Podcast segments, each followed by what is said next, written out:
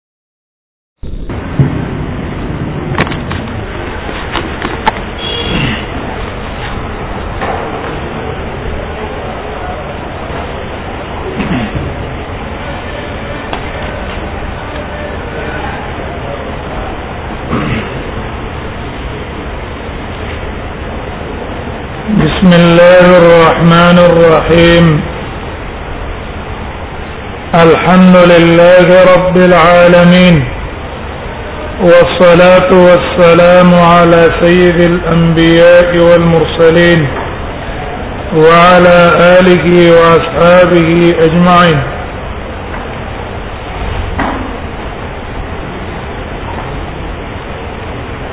وبه قال حدثنا مصنف رحم الله باب کې خوستو د باب د ثبوت لپاره اوس حدیث راوړي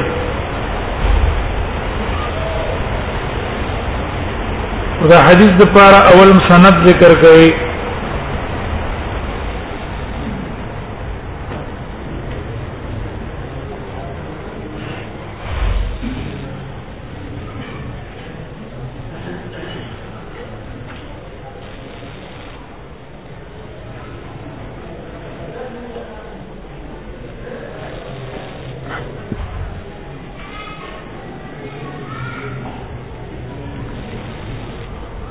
اول مصنف سند ذکر کوي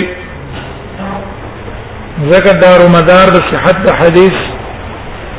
او د زوب د حدیث دا په سند باندې ده سند متعلق اول خبره هغه دا ده چې دا سند د خبره ده د امت خصوصیت ده د نور امتونو د انبیاء خبره په سند باندې اغي نشي ثابته ولا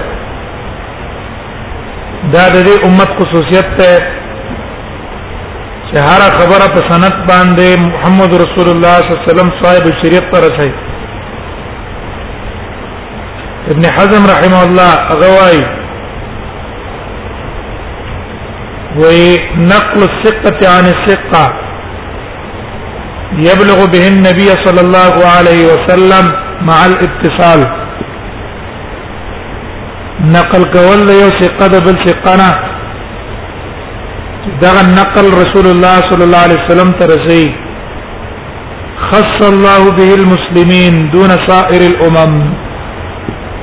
دون سائر الملل دا خصوصیت الله صرف مسلمانانو تور کړه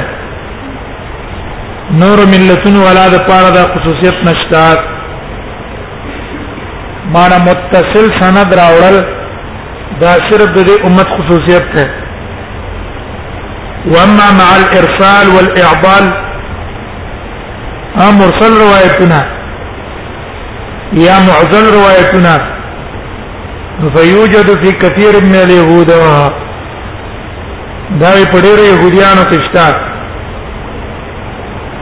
لیکن سره د مرسل او معضل روایتونو نه لا يقربون في من موسى قربنا من محمد صلى الله عليه وسلم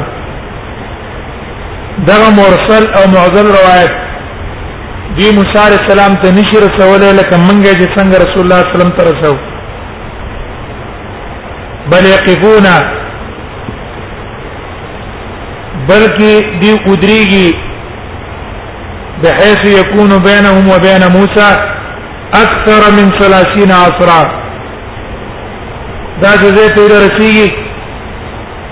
چې د موسی عليه السلام او په منځ کې ډېر پیړې تیر شي صرف شمعون عليه السلام ته رسول شي یا دا غفرن چې نور کم انبیا دي هغه ته رسول شي او د نسوارا سره خو بالکل دانشتا ليس عندهم من صفه هذا النقل الا تحريم الطلاق فقط صرف د حرمت د طلاق مثلا نه لازم په شریعت په اشاره اسلام کې حرام ده صرف دا مسله اله رسول شي نور یو مسله دی رسول نه شي دا د دې امت خصوصیت ته دیو جنا ابو علي الجبائي سے بوای ابو علي الجبائي ويخص الله تعالى هذه الامه بثلاثه اشياء دا امت الله په درې شینو باندې خاص کړی دی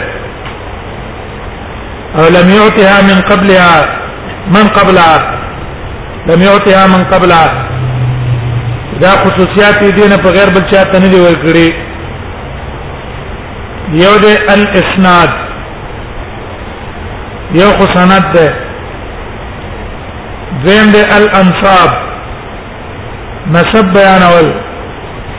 دا د دې امت خصوصیت ته چې خپل نسب دا رسولې چې د پلان کې زم پلان کې د پلان کې زی او بل اعراب د اعراب دا ده دا د امت خصوصیات دي دیمه خبره د سند متعلق هغه دا ده محدثین د سند په سر کې لفظ د حدثنا اخبرنا پوره لیکي پوره لیکي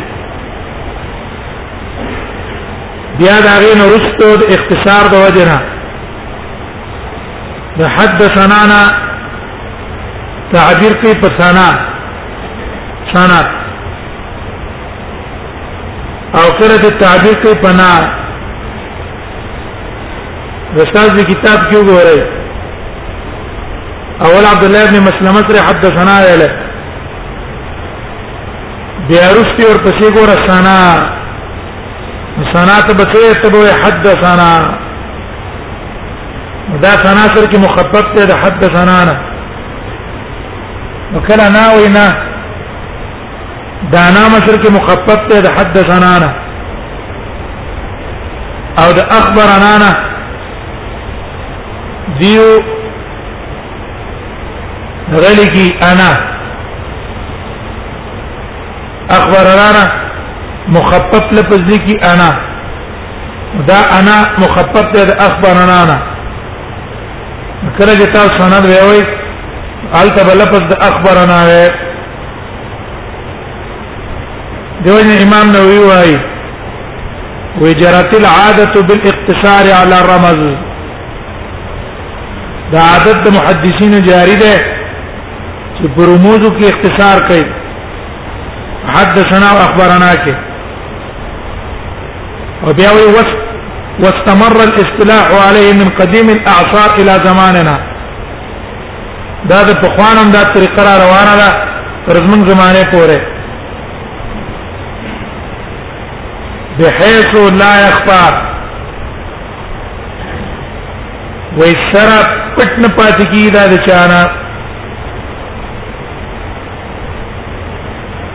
یو خدا دې نو دې اختصار لپاره لفظ د نا او حدثنا دا ذکر کړي دویمه طریقه دا ده چې دیو را لګیږي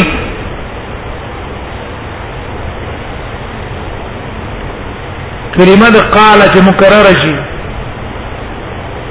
کلمه د قال ندیو دا یو لفظ د قال په خط کې حذف کړي خط کې لګي نه او قاری چې کله قرت کې نو بل لفظ د قال او تروای مثلا مصنف باب خیره حدثنا عبد الله بن مسلمه قال حدثنا عبد العزيز دې سنانا مخکې قال ده او محدثین را لګي دا لفظ د قال څه کوي د اختصار د کتابت د وجه نه حذف کوي او د حدثنا نه صرف تعبیر په سنا یا پنا یا د اخبرنا په انا باندې کوي نو خارجي وي ذات بلفظ د قال او تروي وبه قال حدثنا عبد الله بن مسلمة قال حدثنا عبد العزيز لفظ قال ابو تروي دا بلولي دویم طالب یا مدرس چې کله د محدثینو په کتاب کې لفظ د حدثنا وای حدیث شروع کوي د حدثنا نه دا غل په کار دا دي چې مخکې ته لفظ د و به قال حدثنا وای و به قال حدثنا دا ول په کار دي وجدان جدا به قال حدثنا دا لفظ اصل کې مخفف ده د اوګدي جملې نه چې وبالسند المتصل منا الى الامام البخاري يا وبالسند المتصل منا الى الى امام ابي داود يا وبالسند المتصل منا الى الامام الترمذي قال هذا امام الترمذي وهي حدثنا دا به بلفظ منګه مخکې ګلو او دا به په اصل کې مخفف دی دا غینا وبسند المذكور منا هغه پورې وای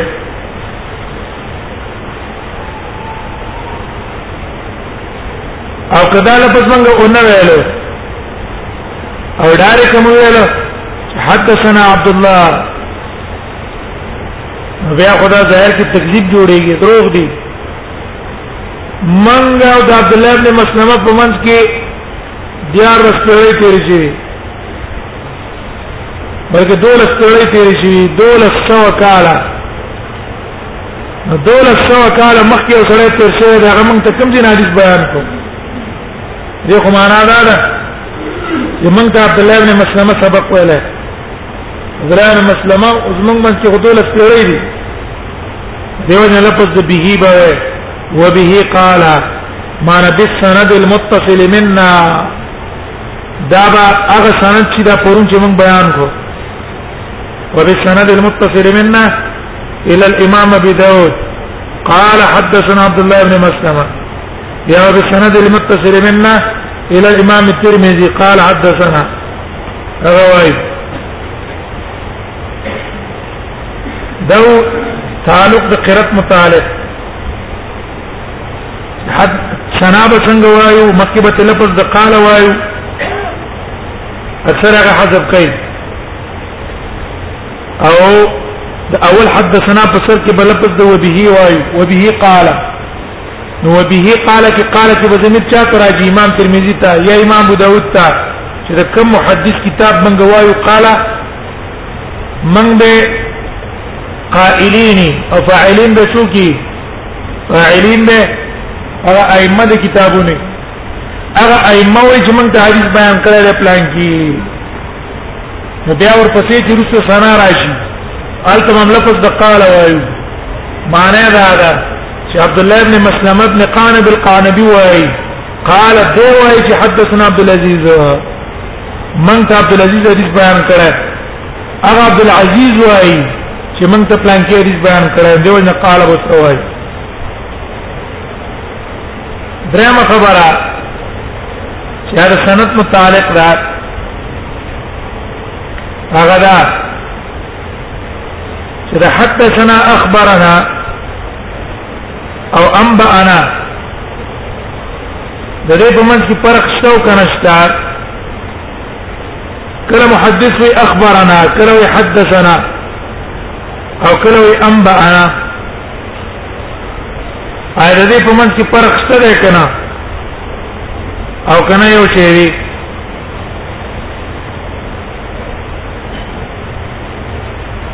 نو یو فرق دی په اعتبار د لغت په دې اتفاق دی علماء چې په اعتبار د لغت په دې کې فرق نشته حدثنا اخبرنا دا دواړه په یو معنا باندې استعمالېږي هیڅ فرق شته دی نه زړه اعتبار باندې دواړه یو شی دی دا شو اعتبار دا لغت دارنګ نام بنا یو معنا ده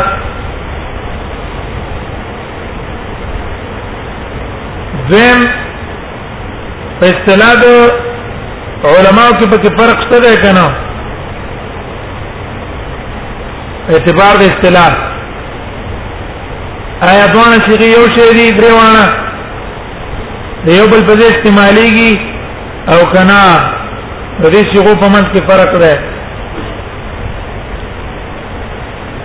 د دې اصطلاح په اعتبار باندې د علماو منځ کې فرق دی یو د متقدمین علما مذهب ده او دا د جمهور علما هم ده هغه وی چیرې حتى ثنا او د انبانا او د اخبرنا من کیس فرق نشته د یو بل په ځای باندې استعمالول ټکري دا قول ائمه اربعه منسوب ده او دا رائے د امام بخاری هم ده امام بخاری رحم الله خپل بخاری کی باب کې خیر ہے چې باب قول المحدث انبانا واخبرنا دا باب خیر ہے بيد حميدي نے قول نقل کرے قال كان عند ابن عيينة حدثنا واخبرنا وانبانا وسمعت واحدا وابن عيينة امام بخاري ما د حميدي نے اوریدلی خپل استادنا بيد ابن عيينة تنیس باندې حدثنا اخبرنا او انبانا او سمعت دا ټول یو معنا ده یو شان دی یو درجه ده دی یو بل په دې باندې استعمالول شي د حافظ ابن حجر رحم الله د دې لاندې فتح الباری کې وایي وی اراده قول ابن عینا دون غیره اراده قول ابن عینا دون غیره امام بخاری چې ابن عینا قول لاړو او د نور علما قول رانورو ودال على انه مختار دا دلالت کوي په دې خبره چې د امام بخاری رحم الله په نسبت باندې هم دا خبره راجح ده چې حدثنا اخبارنا انبانا او سمعت دا ټول الفاظ مترادفه دي معنی یو دا یو بل په استعمال ورش د امام بخاری رحم الله استدلال نیولې تصویر لپاره په حدیث د عبد الله ابن عمر عبد الله بن عمر رضی الله عنه روایت ده وی رسول الله صلی الله علیه وسلم یو ځل صحابانو ته پوښتنه کو وی فرمایل ان من الشجر شجره ان من الشجر شجره لا يسقط ورقها وربدیونو کې ونه ده دا غي پانی سره غورځيږي نه هو انها مثل المؤمن مسلم او دا د مسلمان شان ده فحدثوني ما فيها فحدثوني ما فيها په دې روایت کې رسول الله صلی الله علیه وسلم ویل حدثوني ما فيها ما ته حدیث بیان کوي ما فيها چې دا څه ده بل روایت کې دي اخبروني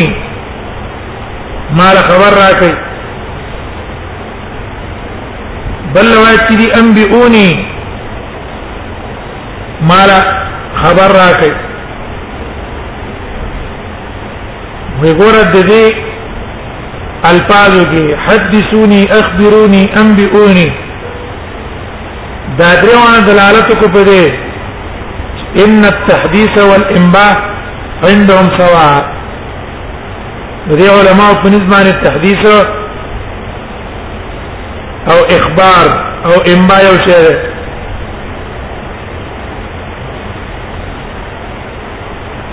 نو دې علماء فرق نه کړی او دا رايه د امام زهري هم ده د امام مالک هم ده او د ابن عوینا او د یحیی القطان هم ده او د اکثر اهل حجاز علما او د کوفینو او دا عمل د مغاربه هم ده کوم چې د مغرب علما دي هغه د دې شغو په منځ کې فرق نه کوي ابن حاجب را لګیدل دی دا مذهب راجح کړي په خپل مختصر کې او د امام حاکم نه دا قول نقل کړي چې دا مذهب د ائمه اربعه هم دی زم قول د بعض علماء دی هغه وی چې نه د دې په منځ کې فرق دی کله چې استاد را لګي دوه من څه فرق دی وای حدثنا پاک صورت کې ده حدثنا چې شیخ را لګي الفاظ وین ال تحدثنا استعمالي او اخبرنا هغه ځای کې استعمالېږي چې شاګرد را لګيږي استاد ته کتاب وای استاد ته غلې ناشتي او په اخر کې تصدیق کوي چې آو هل تلفظ اخبرنا استعمالېږي نو تحدیثي خاص کړی دی په تلفظ د شیخ او اخبار خاص کړی بما یقرأ علیه چې په استاد ته اشتراک کیږي دا من کې فرق شو نو کله چې د اخبارنا او د حدثنا په منځ کې تعارض راشي نو په صورت کې به ترجیح به حدثنا علی ذکر استاد ته تخپل ویل او اخبارنا چې صرف استاد ته وګي خیره خپل استلو د بل اوریدونه فرقي دا رائے او مذهب ده د ابن جریج هم دا رائے او مذهب د ابن جریج هم ده لو زاعم ده د امام شافعی ده او د ابن وهب ده وجمهور اهل المشرق کوم چې مشارق دي دا غي مذهب ده به دی وایي د دیو اتباع را لګیدلې د دیو به فرقونه کړې دي دی وای هرڅو اتباع را لګیدلې دی فرق کوي وکړه چې اوسره د استاد نه ځان لا ورېدل وکړه استاد یې لګیا دی دیو ځان ځان لا ناشته دی نور مرګي یو سنشتا الته بل په دته حدثني استاد ته وی حدیث او په مجلس کې ځان لا داده نور څوک طالبانو سنشتا او د استاد نه حدیث واوریدن الته بل په دته حدثني استعماله او که نور کسانو څه واورید نور ملګری سره او استاد ته حدیث بیاناو په هغه ځای کې بلپس د حدثنا استعمالي حدثنا او که سره ځان له استاد سره ناشته او استاد ته حدیث ویل او استاد ته وګی خو او پس د فراغت نه استاد تصدیق وکړو الته به لفظ د مفرد استعمالي اخبرني الته به لفظ د مفرد استعمالي اخبرني او که نور کسان مو څو نور کسان دو تقرب کو یا بل مرګریو تقرب کو دم وږي کو او استاد هم وږي کو او په اخر کې استاد تصدیق وکړو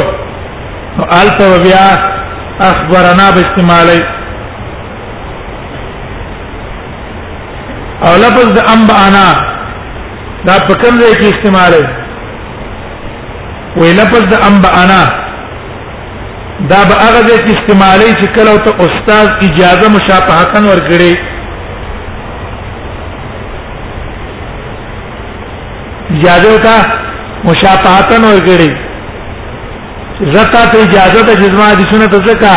زما نه نقل کا اگر کته د استاد نه ورېدلې او نه بل چا چې استاد ته ویل ورېدلې نه دي ودسه د صورت ته کاپي ور رسیدلې او استاد ته اجازه ورکړې ده چې زه دا بیانوا نو التبا لفظ انبا انیوي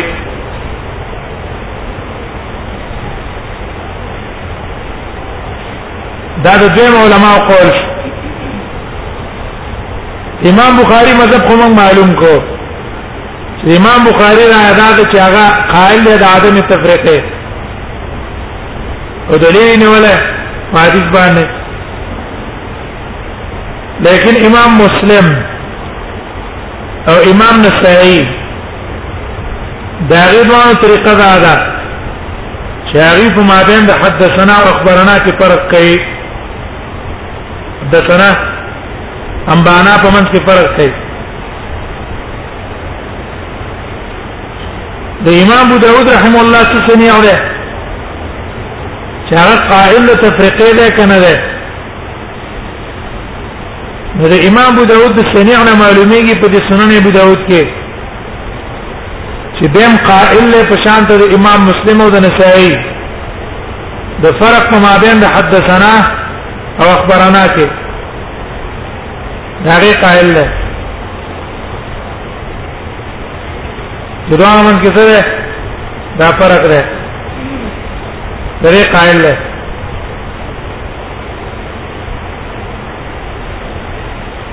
وجه دا ده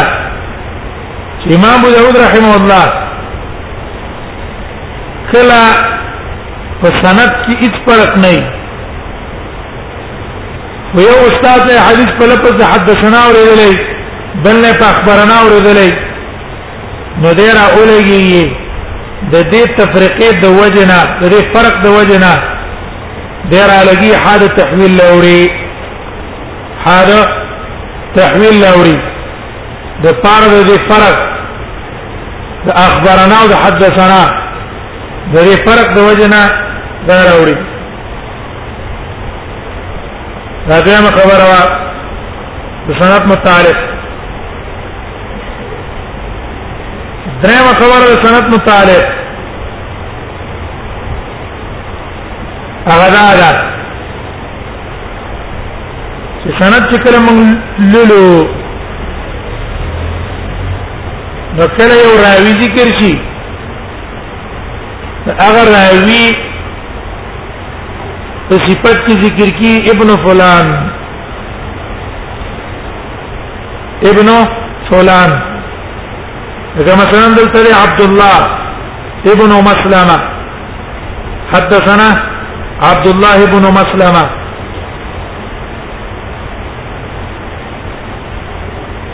اوس به دا موږ څنګه لیدو اعراب به څنګه وي په وخت د قرات سند کې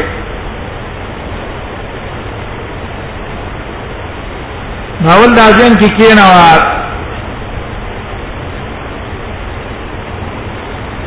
ادب الكاتب د ابن قتيبه ده اگر علی ذل ده دا خبره ال ذکر کړي انور علماء ذکر کړي هغه دا چې کله لفظ د ابنن دا راشي په مابین د دوه علمانو کې لفظ د ابنن دا راشي په مابین د دوه علمانو کې نو دا به صفتی د پاره د ما قبل صفت به د پاره د ما قبل او مضاف به ما بعد تا مضاف به ما بعد تا نو چې د مخکې د پاره صفت شو او ما بعد ته مضاف شو نو صفت په اعراب کې تعریف کې په تنکیر کې تابع دي د موصوفي نو کمک کې موصوف مرفوع دا به مرفوع هغه منصوب دا به منصوبي هغه مجرور دا به مجروري حدثنا عبد الله عبد عبد الله سره مرفوع ده کنه ابن عبد مرفوع ده کنه حدثنا عبد الله ابن قانب ابن مسلمه عبیدہ ابن رسو ته مضاف ده نو په دې رښتنی باندې به اعراب د اضافت جاری کیږي دا خو په اعتبار د اعراب شو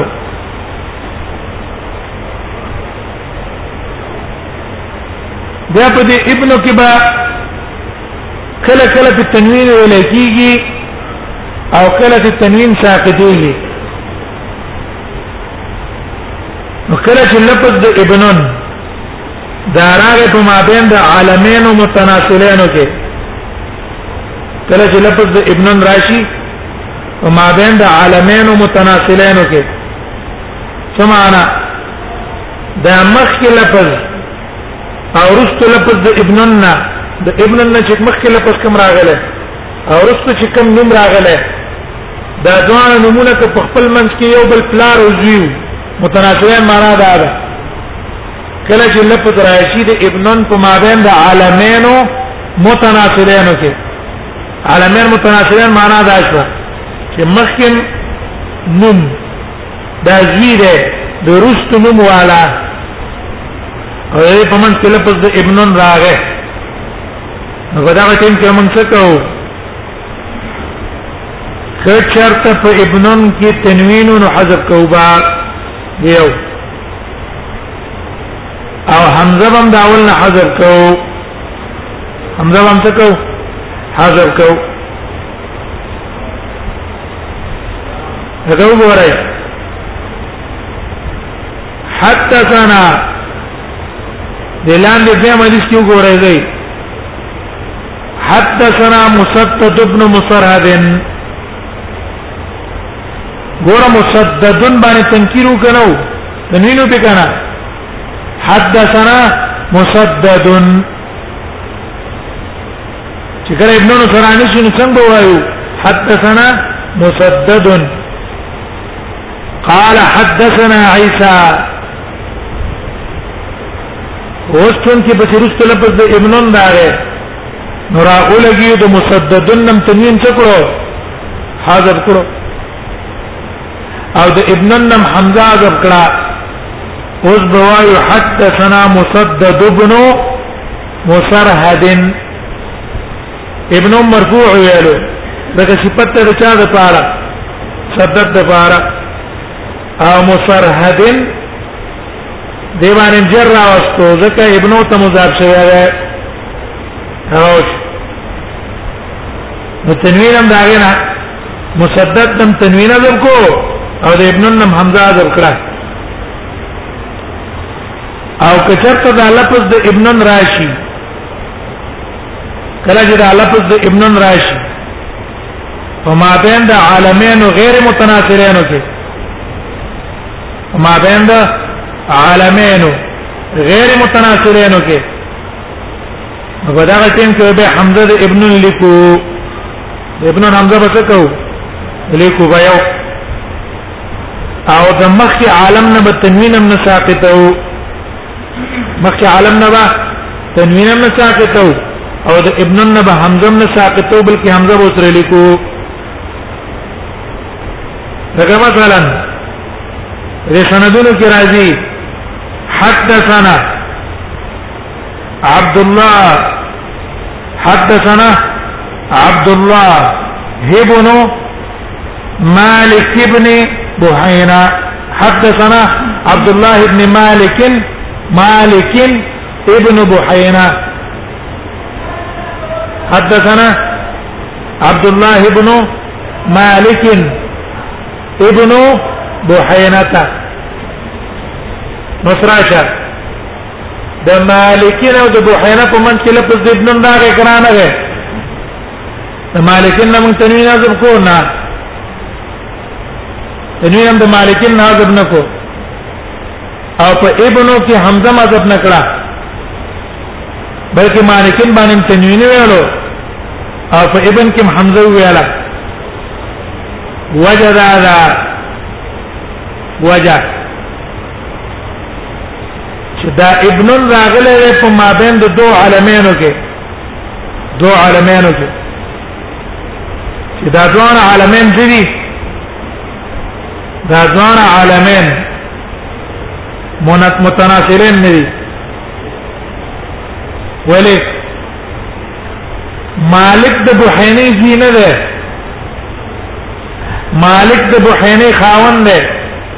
بحیره خزره مالک خاوند ده نو دا ابنو دا صفت د مالکین نه ده دا اصل کی صفت ده د چا لپاره هغه عبد الله لپاره حدثنا عبد الله ابن مالک عبد الله ابن بحينه نو دا صفت د چا لپاره شو د مالک لپاره نه شو بلکې صفت د چا شو د عبد الله لپاره شو دیو نه دا اولم تنوین حذف نکو او درستنم درستنم حمزه حذف نکړه دا هغه خبره د سند سره چې سره او سند وینو څنګه وي اول په سر کې وا وبه قال وبه قال دا وبه قال دا څه شلو دا مخفف شو د وبسند المتصل منا هر یو څنګه قرات کوي دا به وي وبه قال حدثنا وبه دا مخفف شو د وبسند المتصل منا الى الامام ابي داود يا الى الامام البخاري يا امام فلان او قال ذي قائل سوق ده قال زمن اغا استاد ده مثلا دلتا عمرو بن لؤلؤي ده كان وبه قال قال فعل بسوكي قائل به منګ شو قائل به څوک شي نه قائل به لولوي شي قائل به څوک شي لولوي شي او د حدثنا فاعل به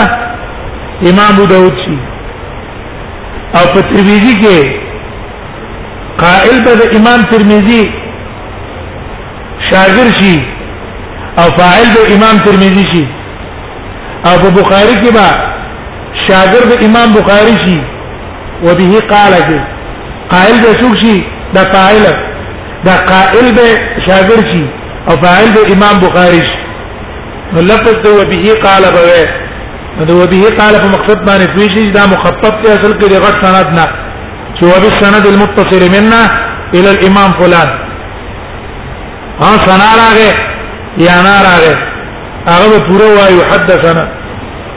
او مخکې به لفظ د قال وایو هغه قال کې قائل با دغه مخکینه کسي او فاعل به فسرست حدثنا وعلي دا امور د سند متعلق دا ټول کتابونو کې دا سند بلکې ټول کتابونو کې شو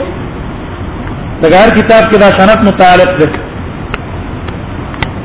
دې وجه کتاب وګورئ